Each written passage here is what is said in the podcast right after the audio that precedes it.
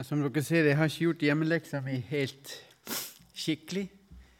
For jeg underviser dette 12.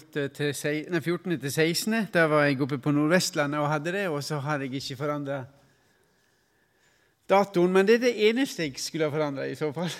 Jeg har, lagt, har jobba litt videre med dette her. Og, eh, men før jeg går videre, så er det liksom det som du sier, Unar Det er jo utrolig det som har skjedd med koronaen. Det første du får vite nå når du kommer inn på bedehuset, spriten står der borte! Og det de sier beskjed at det er bare til utvendig bruk. Så det er liksom Og jeg, jeg må si at jeg dusja før jeg kom i dag. Sånn at uh, vi får jo beskjed, vi som taler, vi er, vi er nødt til å være helt rene når vi kommer på bedehuset. Både innvendig og utvendig. Men uh, det jeg eh, skal snakke om uh, stå sterk i stormen. Jeg, må si at jeg har bare én bok med meg i dag. fordi at, uh, Da jeg var oppe på Sunnmøre, så tok jeg med meg nesten hele, alle bøkene jeg hadde. Neste gang jeg kommer, så skal jeg ta med meg flere. Jeg skal skaffe dem. Um, denne boka her eh, kjemper jeg for å få oversatt til norsk. Eh, I Åpne dører-sammenheng så er dette her et program som vi har brukt på, verdens, på feltet vårt. Uh, vi begynte å se hvordan overlevde kirka i Kina. Hvordan klarte de å overleve gjennom det som skjedde uh, med forfølgelse. Og de begynte der, og vi begynte å samle opp. Og, uh, og vi har utvikla det og, og kom frem med den boka 'Stå sterk i stormen'. Hvordan kan vi klare å stå i stormen når stormen kommer? Og Til å begynne med så skal jeg ta og innlede med, med um, det som vi kaller introduksjon av Stå sterk i stormen. Og Jeg pleier også å si det at dette her med denne boka her og det undervisningsmaterialet her, det er en gave fra den eh, forfulgte kirke. For å bevare oss i en sann tro og en helhjerta etterfølgelse av Jesus. Vi ønsker jo ikke forfølgelse i det hele tatt. Men når vi ser der er, der er et mystikk innenfor dette her med forfølgelse. En skulle tro at det ikke fantes kristne i den delen av verden hvor det blir forfulgt, men der vokser antall kristne. Og Jeg pleier å si det at uh, hvorfor er det forfølgelse? Jo, fordi det er en sann etterlevelse av Jesus Kristus. Og Jesus han blir forkynt i disse landene her. Har, har dere lyd her? På, på, hvis jeg spiller en film nå, har dere lyd? Hvis ikke, så hopper jeg over den filmen. For den filmen bare, mens du jobber med det, den filmen her er fra Nigeria. Første jenta dere ser, er Jemina, ei ung jente. De kom for å hente søstera hennes. Det er to ko, og fem menn voldtar henne. Og Hun er på et seminar der forfulgte kvinner er sammen. Og eh, vi har sendt et team fra den frie verden av kvinner som har opplevd å miste mannen sin. En av dem har vært voldtatt. Noen av dem er spesialister på, på, på, på traumebehandling. Et, et, kvinneteam som for ned for å være sammen med disse kvinnene. Skal vi prøve? Og så får vi se hvordan disse her eh, kvinnene fra den frie verden underviser dem. Og så ser vi hva som skjer. Får dere ikke det til? Jeg skal ta, jeg forteller litt om hva som skjer hun begynner å fortelle vitnesbyrdet sitt, og så begynner hun å gråte. Hun klarer bare å si at 'det bandt hendene mine', og så begynte hun å gråte. Og så begynte alle sammen som satt i den salen, begynte å gråte sammen med henne. For mange av dem hadde opplevd akkurat det samme. Noen hadde opplevd å miste mannen sin, og de gråt. Og så sier en av de som var der, og gråten måtte komme fordi før tilgivelsen kom. Og De fikk lov å gråte ut sorgen sin, og de fikk lov å gråte ut det de hadde opplevd. Og Så sier de at å tilgi er ikke det samme som å glemme. Men det å velge tilgivelsen, hvorfor gjør de det? Jo, fordi Jesus har sagt det. Ei anna kvinne kom frem og så sier hun, de drap, drap mannen min. De brente han opp fordi han var pastor. De fant bibler. Og Så sier hun og jeg vurderte på å leie inn en mann i landsbyen min og få han til å drepe han som tok livet av mannen min. For jeg tenkte at kanskje det ville bli bedre for meg. Så, så står der og smiler hun og sier hun, men denne uka her har jeg lært noe annet. Jeg velger å tilgi. Og hvorfor det? Jo, fordi Jesus, Jesus anbefaler det i sitt ord. Så går filmen videre, og så står disse damene der, så får alle sammen beskjed om å skrive ned navnet på den som den som har gjort det forferdelig med det, enten tatt livet av mann eller voldtatt. Så sier de 'skriv navnet på lappen'. Og Så kommer dere frem med den lappen og så legger dere den oppi denne boksen. her. En av disse kvinnene kommer frem, og du ser hun kommer frem, legger lappen oppi, og så stiller hun seg opp sånn. Og du ser at hun legger lappen oppi, men jeg vet ikke om jeg klarer å tilgi. Så tar de den boksen, papirboksen, så går de ut. Så stiller de seg opp i ring rundt boksen, og så sier de Hvis de velger tilgivelsen, så har Jesus lovt å være med. Og så tenner de på boksen. Og så brenner de opp boksen mens disse damene står rundt og ser på. Og så gjør Den hellige ånd noe. Disse damene her de begynner å synge. De, mange av dem har mista mannen sin. Og så synger de en sang som heter My husband is Jesus, and he's coming back for me, and he's gonna take me home. Da går det over fra gråt og det går over til glede, fordi da klarer de å løfte øynene sine opp fra omstendighetene og så opp mot den som har gitt oss framtid til håp. Og så sier disse kvinnene som kom fra den frie verden De står med tårer i øynene. og så Jeg som blir intervjua, så sier hun, hun gråter og så sier hun, 'Jeg kom hit for å fortelle deg om tilgivelsen.' 'Men jeg kom for å fortelle deg det i teori.' 'Men de har vist meg i praksis at det går an.' Og hvis disse kvinnene kan tilgi, så vet jeg at alt er mulig sammen med Gud. Og jeg tror Vi åpner dører når vi reiser rundt og forteller om disse forfulgte kristne. Vi ønsker å fortelle hva Gud gjør, ikke nødvendigvis hva er det forferdelige som skjer. Men midt oppi det forferdelige så går Guds rike frem. Men det skjer gjennom stormen. Og hvor er det vi møter stormen? Vi pleier også å ta med dette i stormen i Markus 4. Samme dag da det var blitt kveld, sier han til dem, la oss dra over til andre siden av sjøen. Og de forlot folk og tok ham med seg i båten slik han var, og andre båter var med ham. Da kom det voldsom kastevind, og bølgene slo over båten slik at den holdt på å bli fylt. Men Jesus lå bak i båten på en pute og sov. De vekker ham og sier 'Mester, bryr du deg ikke om at vi omkommer?' Da sto han opp, truet vinden og sa til sjøen, 'Ti, vær stille.' Og vinden la seg, og det ble blikkstille. Så sa han til dem, 'Hvorfor er dere så redde? Har dere ennå ingen tro?' Men de ble grepet av voldsom frykt og sa seg imellom, 'Hvem er dette som både vinden og sjøen adlyder?' Stormer det er en naturlig del av kristne sitt liv. Og Det er en som har sagt at vi skal ikke være redd, for Gud har kontroll. Akkurat det er et sånt punkt som noen kollegaer av meg som sa Kan vi si at Gud har kontroll når folk kommer til oss med forferdelige ting som har skjedd i familien? Jeg tror Gud, når han får lov å slippe til, uansett situasjon, så vil de som er i situasjonen Jeg hadde en opplevelse Det var noen venner av meg jeg var ikke mer enn 17 år, men var en, han far var rektor på en, lærer, eh, på en folkehøyskole. og Det var et ektepar som kjørte utfor med bil og mista to barn. En på to år, Synne og Morten. På to og fire år de drukna. Foreldre og hunden overlevde. Og Så sto vi og snakka med en Pappa var nede i, i, Oslo, og så forteller han dette til en tidligere kollega. Så når han forteller det, så sier kollegaen Herren gav, Herren tok, Herrens navn være lova. Og jeg jeg var 17 år og jeg tenkte du kan ikke si det. Du har ikke rett til å si det, fordi at hvis du tar det ut av Bibelen, så er det Jobb som har mista alle sine. Jobb som sier det.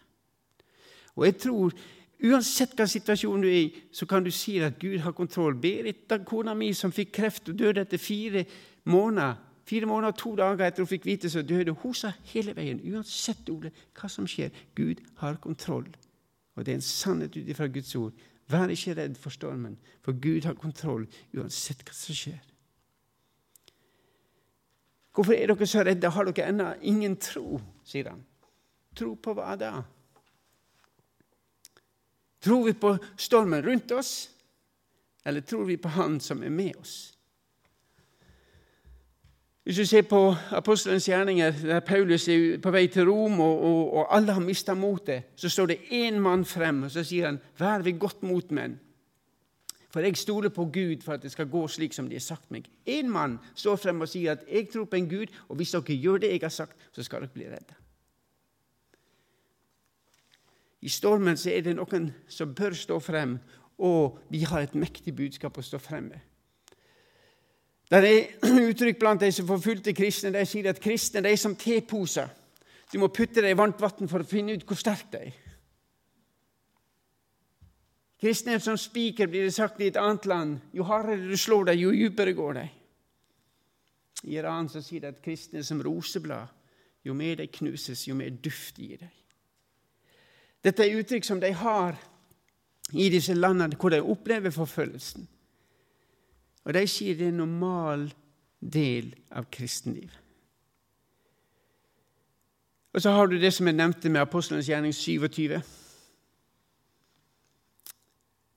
De, der står, når stormen kommer, så er det forskjellige ting de gjør. Eh, det første de gjør her, det står det at da vi kom i le av en liten øy som heter Klauda, klarte vi så vidt å redde skipsbåten. Skipsbåten var kanskje den eneste redninga de hadde. Den måtte de holde på. Måtte, vi må ikke miste den. Og så står det og surrer skipet med tau. Det er litt rart, fordi vi tenker som båtene i dag er laga av stål, men den gangen var det laga av tre, med treplugger. Og Det var så mye bevegelse i, skipet at skipet begynte å gå i oppløsning. og Da klarte de å slå tau rundt skipet og så stramme til for at båten ikke skulle gå i oppløsning. Og Når du er i en storm, så prøver du å få et fundament å stå på, men du opplever at alt går i stykker under deg. Og Til slutt så står det at du kommer, det dreiv omkring, og til slutt så mister det alt mot. Det er det naturlige. Og jeg, og jeg tror at vi opplever vel det alle sammen, at vi mister og til slutt så gir vi opp. Den kapteinen på den båten der, han hadde kjøpt lasta. Og Den måten han skulle tjene penger på, var at han kjøpte lasta i den havna han for fra, og så seilte han til neste havn, og så solgte han. og Det var inntekter. Men når det kom til det punktet at jeg holdt på å miste livet, da, da betydde ikke penger noen ting. Da betydde ikke rikdom eller det er ingenting. Nå gjelder det å, å redde livet. Og det, Da kommer du ned på det helt fundament, Eh, det fundamentet. Jeg må overleve. Og Da betyr ikke det som er rundt oss, så veldig mye lenger. Og Vi lever i en verden der ting rundt oss kanskje betyr mer enn det vi aner. Så har du det der som Jesus sier i Matteus 7. Derfor hver av disse som hører disse mine ord, gjør etter dem. Han er lik en forstandig mann som bygger huset sitt på fjellgrunn. Og vet at Jesus han er inne i en by. Den byen han forteller, den lignelsen, I den byen var det slik at hvis du skulle bygge et hus, så måtte du grave det ned gjennom sanda, ned til fjellgrunn. Og de visste nøyaktig hva Jesus snakka om. For hvis de sier de gjorde det, bare la huset oppe på, oppe på sanda Ved første vindskill, eller regnskyll så ville det huset bli vaska ut, og huset ville dette. Og han sier at de som hører disse mine ord og ikke gjør etter dem, han er lik en uforstandig mann som bygde huset sitt på sand. Det huset vil ikke stå. Og Det er et veldig tydelig bilde. Og Jesus sier at bygg på fjell. Og han utfordrer oss i, i dag. Vi skal komme inn på det litt senere, men, men, men dette er det Jesus sier. Hvis dere bygger livet deres på dette, så kommer dere til å stå.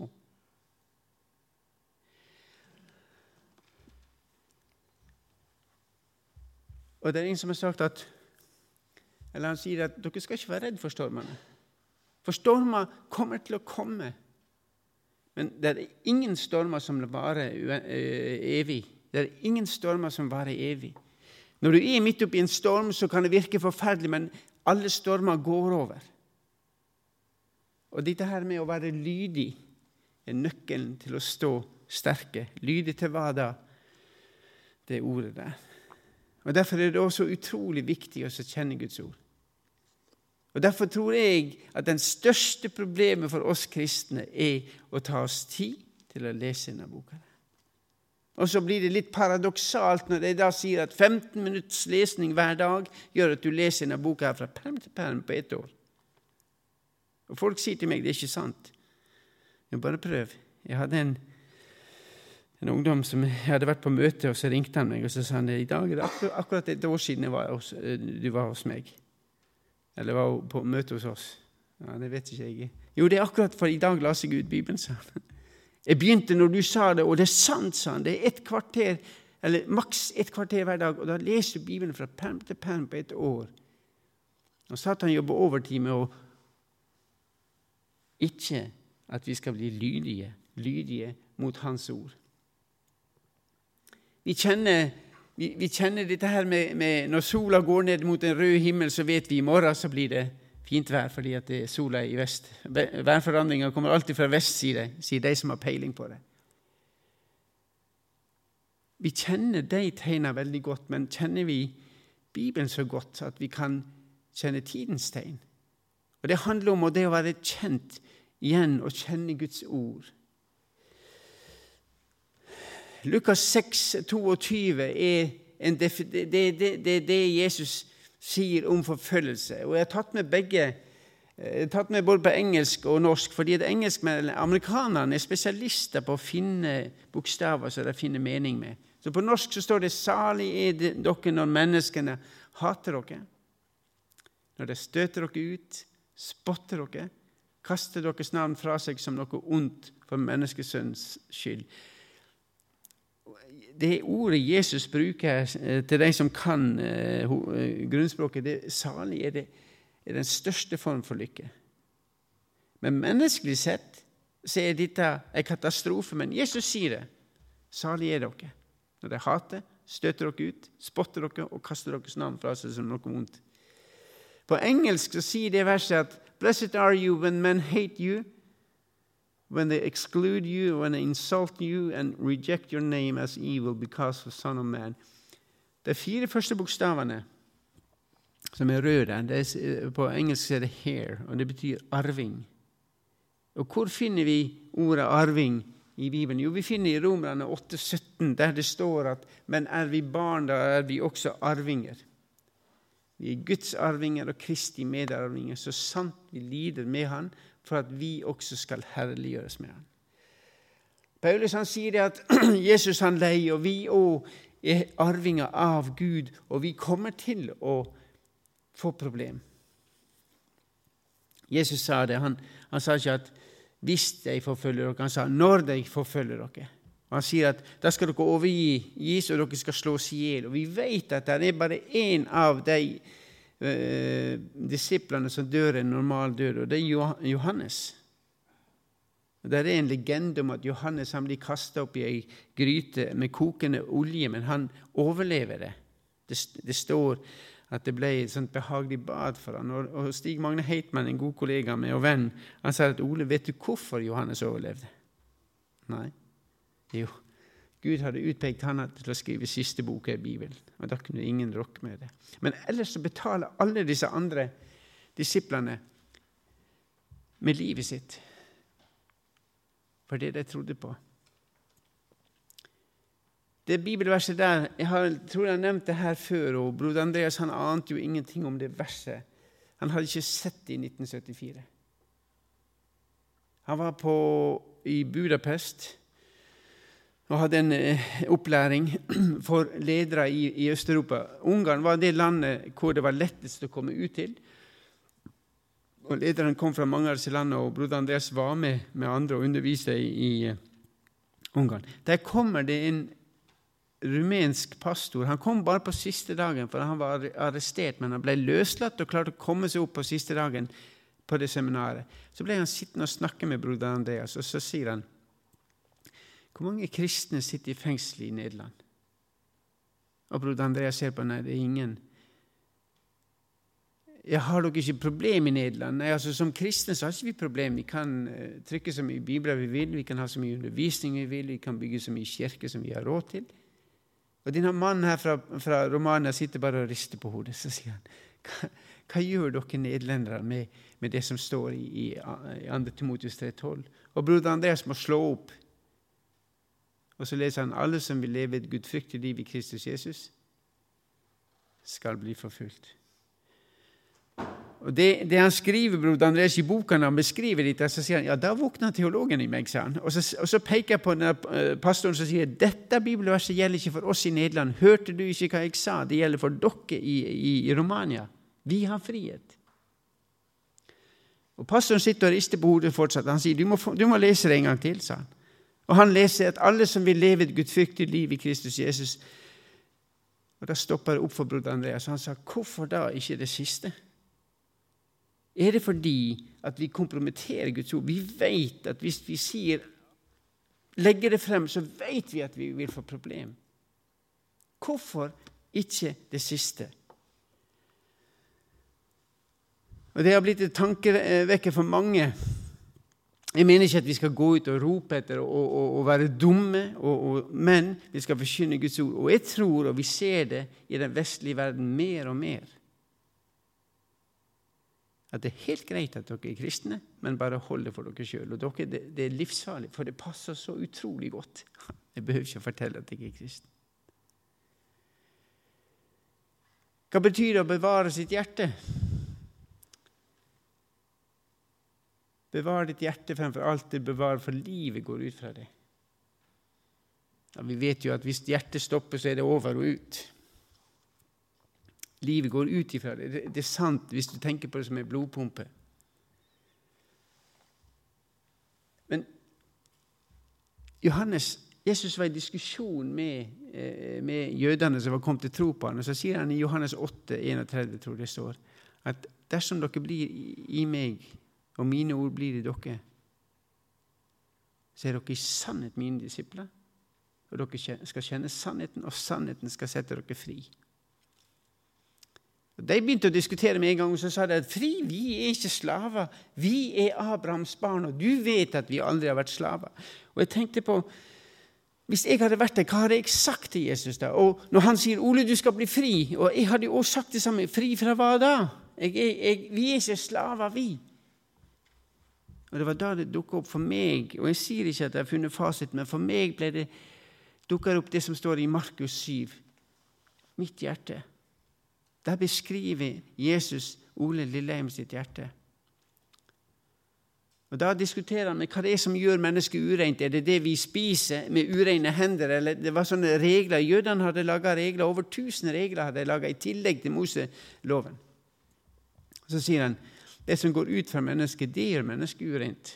For innenfra, fra menneskehjertet, kommer onde tanker, hor, tyveri, mord, ekteskapsbrudd, grådighet, ondskap, svik, utskeielser, misunnelige øyne, spott, hovmod, vettløshet. Alt dette kommer innenfra og gjør mennesket urent.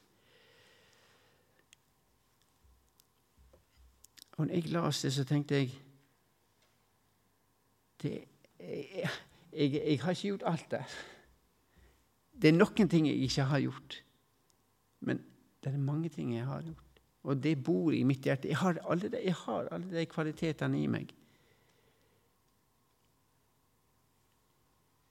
Men hva gjør vi med det? Jeg kunne preka lenge på dette, men, men, jeg vil bare nevne åpenbaringsboka 3.20. Se, jeg står for døra og banker. Og om noen hører min røst og lukker opp, så skal jeg komme inn og holde måltid. Det er redninga på mitt hjerte. Det er å slippe Jesus inn. Og Hvis dere leser Åpenbaringsboka 3.20, så skal dere lese at Gud sier det til sin, Jesus sier det til sin menighet. Han sier ikke det til hedningene. Han sier det til sin menighet. Og det er nesten utrolig at han sier Se, jeg står for døra og banker, og om noen hører min røst og lukker opp. Jeg sa det til Gud en gang. Ja, men jeg har jo lukket opp til deg. Jeg var, jeg var 14 år i, i 1970. Jeg lukket opp og slapp deg inn, men da syns jeg hørte at han sa at ja, men Ole, slipper du meg inn når du er sint, når du er såra, når du er bitter? Og jeg oppdaga det at vi må invitere Jesus inn hver dag.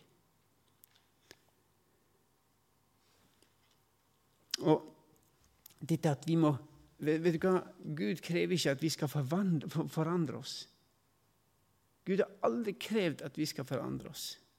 Vi begynner i feil ende. Jeg har hørt folk si at de kan ikke bli en kristen'. Jeg klarer ikke å slutte med, og så kommer de opp. Det begynner i feil ende. Det var en som sa det. Han, han eh, var ei ung jente oppe i Nord-Norge som hadde Han var så kalt av Jesus, men hun sa det til han som hun snakka med. 'Jeg kan aldri bli en kristen', sa hun. Ja, hvorfor det? 'Jeg elsker å danse', sa hun. Det er så kjekt å gå på diskotek. Jeg elsker Det er så bra. Så så han på henne og sa er det det som gjør at du holder deg vekk fra Jesus. Ja, ja men da skal du få lov å gi, gi livet ditt til Jesus, og så kan du danse. Bare, bare, bare fortsett sånn. Men gi livet ditt til Jesus. Og hun sa ja, går det an, da? Fordi at her hos oss er det slik at du, er du kristen, så går du ikke og danser. Gi livet ditt til Jesus, sa han. Og Hun gir livet sitt til Jesus, og han reiste derfra og kom hjem et halvt år etterpå. Så traff han samme jente og sa han, 'Hvordan går det?' sa han. 'Ja, det går så bra', sa hun. Ja, men hvordan går det med dansene?» Vet du hva, sa hun. Jeg ga livet mitt til Jesus, og jeg gikk på dans, men det er ikke så moro lenger. Og jeg tror, Det handler ikke om at dans er synd, men det handler om at Jesus får komme inn, og han får lov å, å forvandle oss med, gjennom sitt ord. Og det er derfor det er så viktig, tror jeg, at i stormer og gjennom hverdagen at vi kjenner Hans ord for Jesus, Gud sier at og mitt, skal eh, mitt ord være det som går ut av min munn. Det skal ikke vende tomt tilbake til meg, men det skal gjøre det jeg vil, av fremgang med alt det jeg sender det til. Og I vers 13 så står det og istedenfor tornekratt skal det vokse opp sypresser. Og Istedenfor nesle skal det vokse opp myrter. Gud tar ikke tornekratt i mitt liv og rykker det opp med rot. Han forvandler det til sin prest. Han tar ikke bort neslene i mitt liv, han forvandler dem. Og Guds ord er det som forvandler. Så hvis vi vil at Gud skal jobbe i vårt liv, så må vi lese Hans ord, for dette ordet er Åndens sverd, som det står i Fesande 6. Hvis vi vil at Den hellige ånd skal jobbe i livet vårt, så må vi òg la Han jobbe med oss. Og boka som vi har skrevet, det handler om å lære å kjenne Gud, det lærer om å handle ordet og, kjenne ordet Jesus Kristus og frelsens vei. Og det gjennomsyrer hele boka. Og igjen Vi har laga ei andaktsbok. Det er kanskje mange av dere som har med 365 andakter. Ja, den første opplaget hadde var faktisk bare 364 oppdager vi. Da hadde jeg glemt én andakt. Men vi la den inn som et løsark. Men her får du historie om mennesker som har valgt å følge Jesus, koste hva det koste vil, og så, og så erfarer de at det holder.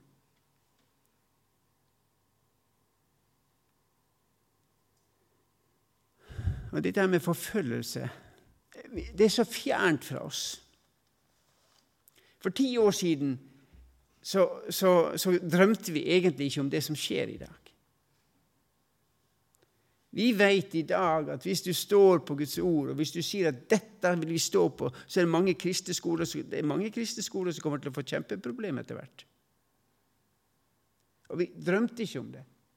Og Broder Andreas han sier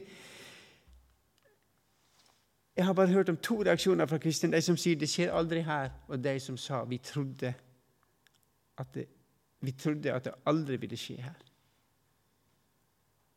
Er vi forberedt når det kommer. Og jeg tror forberedelse er viktig, og vi må, må være forberedt. Kina, Kina så sier de kristne vi, vi, vi, er ikke forfulgt bare fordi vi tror på Gud. Og de sier dersom vi velger, så kan vi begynne å gå i Tresellkirka, den offentlige kirka som er styrt av myndighetene. Og gå på gudstjeneste hver søndag og leve et relativt rolig liv uten stress så lenge vi holder troa for oss sjøl og ikke deler den med noen andre. Det sa det for noen år siden. Og nå vet vi at problemet i Treselvkirka er kommet. I den offentlige kirka har fått kjempeproblem. Men så sier de grunnen til at kristne fra husmenighetene blir arrestert og fengslet i Kina, er fordi at vi kan ikke tie stille. Og De spør oss hvorfor er det forfølgelse i Kina og andre land, men ikke i Vesten. Og så sier de det finnes mange svar på det spørsmålet, men vi vil begynne å stille et spørsmål tilbake. Forkynner dere sannheten? Av Guds ord til syndere inne i kirka og utenfor kirken deres. Dersom dere gjør det, så vil dere raskt oppdage at forfølgelse er der. Forfølgelse vil anta forskjellig form fra land til land, men dere vil erfare motstand. Og jeg, jeg Personlig så sier jeg at forfølgelse Jeg vil ikke definere det som skjer i Norge, som forfølgelse.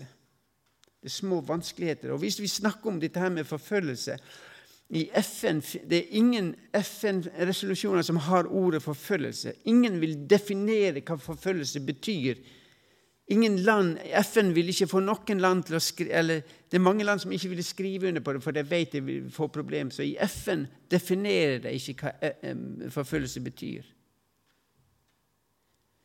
Men jeg, jeg, sier at når vi snakker om forfølgelse, så er det jeg vil si at i Norge så opplever vi etter hvert diskriminering. Søster, eh, eller tante Ester, som vi kalte henne. Jeg har vist det før her ute, tror jeg. Hun var en lege. Hun var sjef for et sykehus i Beijing med ti avdelinger, et barnesykehus. Hun fikk beskjed Hvis dere ser på smilet til Ester Hun er død nå. Men hun, så, det smilet hadde hun alltid. Og folk kom og spurte hvorfor er du så glad. Og Da fikk de høre grunnen. Jo, Ester, og Da begynte hun å vitne om Jesus. Jo, jeg skal fortelle dere om min glede, og så fortelle om at du har Jesus i hjertet. Hun fikk beskjed om at hvis du fortsetter sånn, så kommer du til å miste jobben din. Du bør helst fornekte Jesus. Og jeg sier at, Hun sier at jeg kan jo ikke fornekte Jesus. Jeg elsker Jesus. En natt så ble hun henta av sykepleierstudentene på sykehuset hennes, som hun underviste. Og På vei mot sykehuset så ble tok, det, tok hun inn en, en, til en frisør og barberte vekk halve hal, hal, hodet ble barbert for å ydmyke henne og komme på sykehuset, så får hun beskjed av ledelsen at i dag, hvis ikke du fornekter troa på Jesus Kristus, så kommer du til å bli satt, gå fra den øverste stillinga til den laveste stillinga. Og Hun holdt fast på det, og hun ble degradert til å være eh, vaskehjelp på det sykehuset. Det er teamet som satt og hørte hun fortelle historien. Det Tårene triller på dem, men hun sitter og smiler. Så sier hun dersom du har Jesus i hjertet, så betyr ikke posisjonen din noen ting. Det du gjør, uansett hva det er, gjør du som om du gjør det for Jesus. Og Så smilte hun og så sa hun, sykehuset mitt hadde de reneste gangene og toaletter i hele Kina. For det jeg gjorde, det gjorde jeg for Jesus. For meg betydde det ikke, sa hun, noe om posisjon. Men hun betalte en pris. Hun fikk 15 yuan per måned. For de pengene måtte hun også kjøpe såpe som hun skulle vaske. Ungene hennes var, var, var kjempeflinke på skole. De ønska å bli lege, men de hadde jo ikke råd. I elleve år gikk tante Ester og vaska. Så gikk kulturrevolusjonen over. og det kom nye eh, ledere, og de sa at det som har skjedd med Ester, er feil. Og så blir hun gjeninnsatt. Og så får hun igjen jobben sin, og så får hun etterbetalt alle pengene, og så kan ungene gå på skole. Det er en av disse lykkelige historiene. Men det var en som sa det fra Kina at for hver lykkelig historie du har, så har du ti andre som ikke ender så lykkelig. Så dere, vi har en oppgave å, å be for disse her. Men hvordan forbereder vi oss på forfølgelse? Pastor Tu, som kommer fra Vietnam, hadde ei lita menighet, men han visste at myndighetene eh, har et problem med oss. Og Han sa at jeg vet at det kommer, men jeg har forberedt menigheten min på at jeg kan bli arrestert. Jeg er forberedt på å gå i fengsel. Han hadde utvalgt folk. Hvis da tar meg, så tar du over. Og så har han fordelt. Og Han ble satt i fengsel. og Han sa også det når han kom i fengsel. Når jeg kom i fengsel, så oppdaga jeg at jeg hadde hatt det kjempetravelt. Når jeg satt i fengsel, så kunne jeg be for hver enkelt medlem i menigheten min. Hver dag så ba jeg for hver enkelt. Han ante jo ikke om den voksen som kom ut. Hadde, jeg tror han hadde noen hundre før han gikk i fengsel. Når han kom ut av fengsel, så var det 5000 i den menigheten.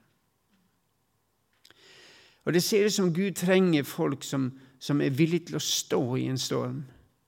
Som er villig til å, å, å, å si at jeg velger deg, Jesus. Jeg velger å se på deg istedenfor å se på stormen rundt meg.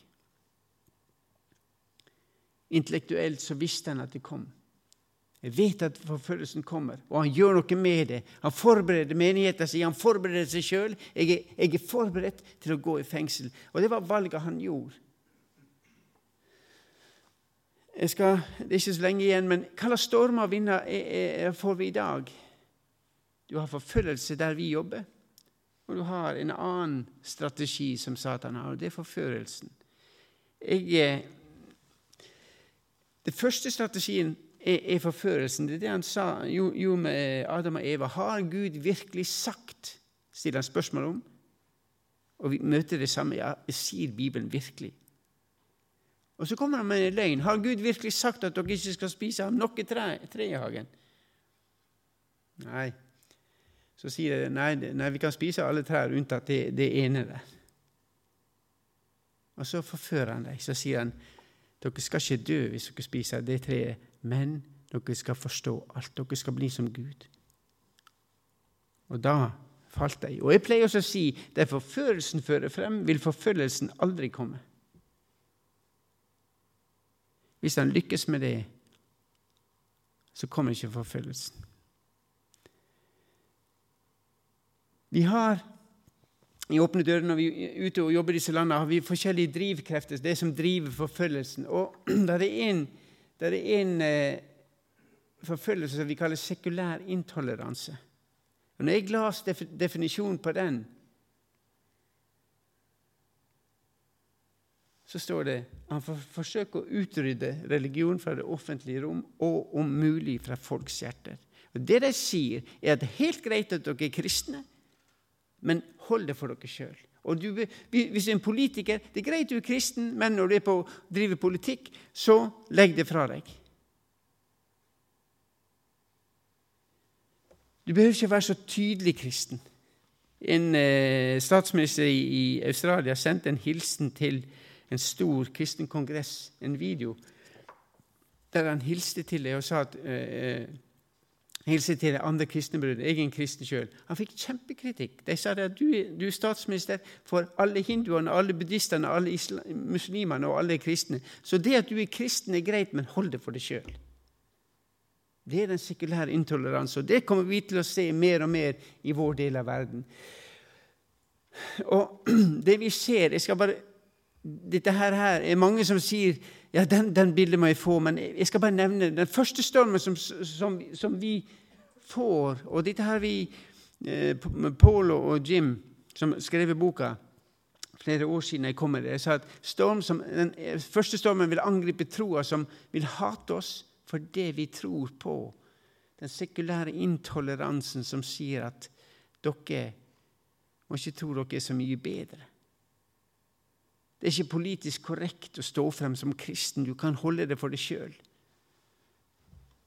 Og den den, den, det som angriper troa vår, de sier at hvis dere ikke gjør det og det og det, så får ikke dere støtte sånn og sånn. Og vi vil, vi vil merke det. Det er første stormen som vi ser komme. Andre stormen som angriper Bibelen, som støter oss ut for det vi sier at Bibelen er hatlitteratur. Er begrensa bruk av Bibelen. Jeg glemmer aldri, og Det er mange år siden jeg så på et TV-program. Da var det en Det ble diskutert allerede da om dette her med, med hvordan vi skulle leve. Og Det var en som fikk lov å lese opp et brev fra Kvinner og klær. Og De satt og hørte på det ble lest opp, og så satt det en pastor der og så sa han, ja, men Guds ord sier Og så bladde han opp, og så sier programlederen legg vekk den boka. Det er ikke gudstjeneste her. Han fikk ikke lov å lese fra Guds Bibel, men han fikk lov å lese fra kvinner og klær. Det er litt av den situasjonen som vi, som vi så komme, og dette er over ti år siden jeg så. Og Vi vil få en begrensa bruk av Bibelen. Og vi kristne kjenner vi Bibelen godt nok til å kunne svare. Egentlig, vi burde kjenne det så godt. Vi har et mektig budskap å komme med. Tredje stormen som angriper, eh, eh, angriper oss for evangelisering, vi bor i et multikultur der det er mange forskjellige religioner, og egentlig dere, bør dere ikke gå ut og, og omvende folk. Antikonverteringslover ser vi i India, vi ser det i mange av disse landene som vi jobber. Og vi hører mer og mer at eh, er det rett å drive misjon? Det diskuteres òg blant kristne er det rett å drive misjon.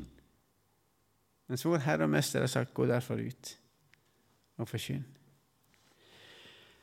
Den fjerde stormen som vi ser komme, er de som angriper Kirka, som sier at vi er ekskluderende, vi er intolerante. Det som har med skatteregler å gjøre. Eh, kristne organisasjoner vil bli møtt med, det, og det er fjerning av offentlig støtte. Og fengsling for de som bryter lov. Um, det er, kristne som har gått i fengsel. Sønnen eh, til Rune Larsen havna i fengsel pga. hans syn på abortloven. Og det er flere år siden. Men dette er stormer som vi ser komme. Og de spørsmålene som vi kommer til å sette ut senere, som som dere kan få lov å snakke litt om Hva slags stormer opplever vi som mennesker i dag i Norge? Hvordan kan vi hjelpe hverandre? Hvordan er det personlig i forhold til Gud, Jesus og Den hellige ånd? Jeg, jeg, tror der ligger nøkkelen til hel, alt sammen. Klarer vi å stå? Hvordan er vårt personlige forhold? Og så Det siste, på, på, eh, siste spørsmålet får vi i, i dette her med neste, time, neste bibeltime, som skal vår fiende. Og jeg må si det at Da jeg fikk boka med Paul Esterbrooks, så bladde jeg opp og så ser jeg første kapittel og kjenner fienden. Så sier jeg til han, hvorfor i all verden snakker dere om fienden vår, altså Satan, i første kapittel? Så sier han jo, det er fordi de kristne som lever i disse landene, de kommer til oss og så sier de, vil dere hjelpe oss å avsløre Satans strategi, slik at når han kommer, så kan vi avsløre han, slik at vi kan gjøre det Gud har kalt oss til å gjøre. Derfor, sa han, velger vi å ta den delen først.